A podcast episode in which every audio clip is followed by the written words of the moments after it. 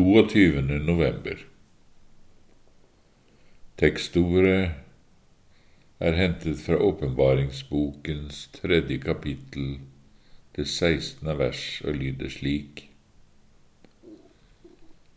Fordi du er lunken og verken kald eller varm, vil jeg spy deg ut av min munn. Rosenius skriver. Dette er forferdelige ord som er sagt av den nådige Frelseren. Må Gud hjelpe oss alle, så hver og en må være oppriktig mot seg selv, så vi ikke står under slik en dom uten å vite det før den rammer oss. Det som her er viktigst for oss, er å undersøke hva det er Kristus mener med det å være lunken. I dette Herren sier her om de lunkne, er det noe alle ser og forstår, men også noe som bare få legger merke til. Alle innser at når Herren sier du er verken kald eller varm, ja, så mener han du er ikke bare et vanlig verdensmenneske, helt likegyldig og fremmed for det åndelige livet Riktignok er du noe ganske annet enn den store massen. Du kjenner mine veier, du forkynner mitt ord og lærer andre. Jeg vet om dine gjerninger. Du har mange av disse. Men du er heller ikke varm. Hjertet ditt har det ikke rett med Gud. Du mangler den rette kjærligheten, livet, og samfunnet med meg. Du taler heller om meg enn med meg. Du er heller opptatt med hvordan det står til med de andres sjeler enn med din egen, osv. Det er dette som er å være verken kald eller varm.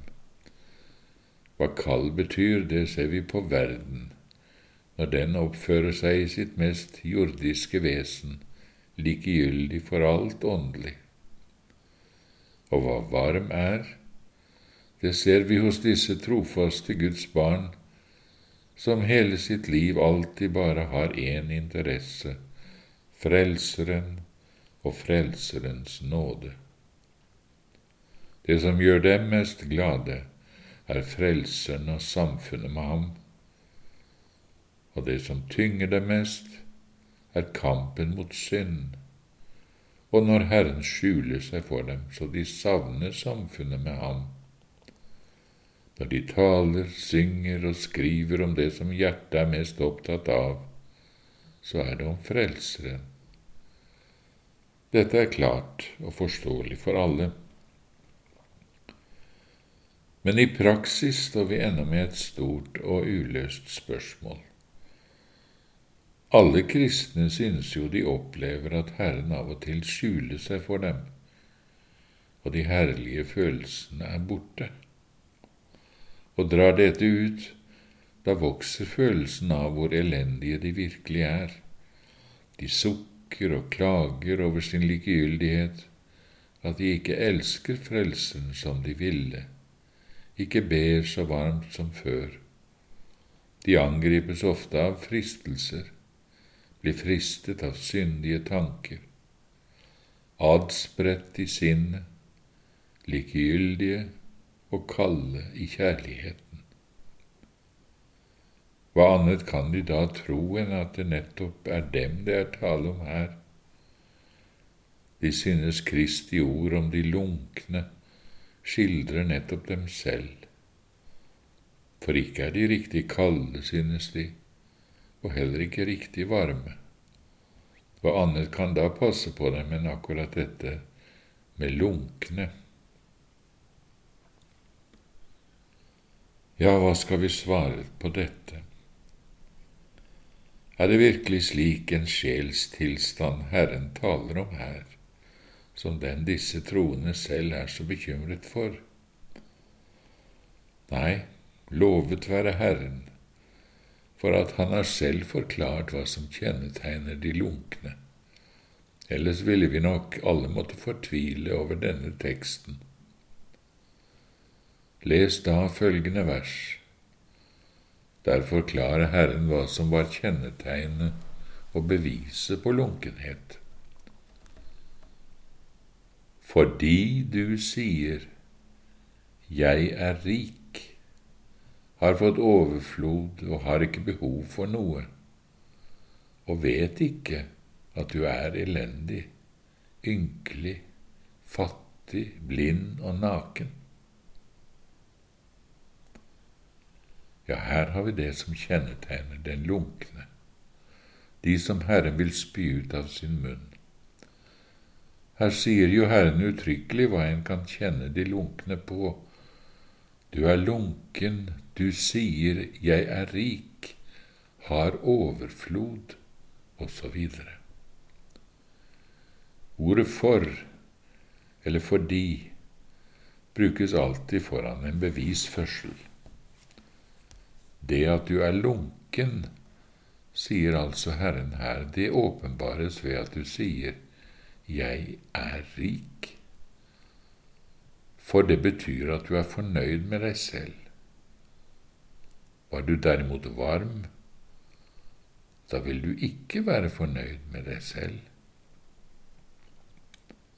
Uttrykket du sier må ikke bare oppfattes ut fra det munnen uttrykker, for mang en lunken sjel er klok nok til ikke å uttale seg så sterkt overfor mennesker. Nei, det vi må oppfatte som et uttrykk for hjertets eller den indre holdning, som Skriften også uttrykker på denne måten, du sier i ditt hjerte. Det betyr altså at vi i vårt stille sinn er fornøyd med oss selv, ikke kjenner vår nakenhet eller vår fattigdom. Dette er et karakteristisk og svært viktig tegn når det gjelder den rette omvendelsen i hjertet. Et tegn som går mye dypere og skarpere enn alle andre tegn og åpenbar ofte det som en ikke på noen annen måte kan få fram i dagen. Det kan nemlig være så rett og riktig med alt annet. Likevel er det helt sikkert at det kristne mennesket som er fornøyd med seg selv, som ikke av og til bekymrer seg, ja, forskrekkes og engster seg for sin egen sjels tilstand, men alltid hatt fred med seg selv i dette spørsmålet, det mennesket lever helt klart i samme lunkne tilstand som menighetsforstanderen i Laudikea. Nå taler vi ikke om det forholdet at alle kristne av og til kan være litt mer tilfreds med sitt liv. Det kan nok skje enten i forbindelse med en markert åndelig oppvåkning eller i en forbigående sløvhetstilstand, men da får de snart like stor nød for seg selv. Og selv når de med har den aller største trøst og glede i Kristus, er de da oftest samtidig misfornøyd med seg selv. Og denne misnøyen med seg selv, det er altså det vanlige i en kristens liv. Men det kan jo også skje med den lunkne at han av og til blir misfornøyd med seg selv, eksempel når han har falt i en markert synd, og særlig hvis dette har skjedd for øynene på andre mennesker.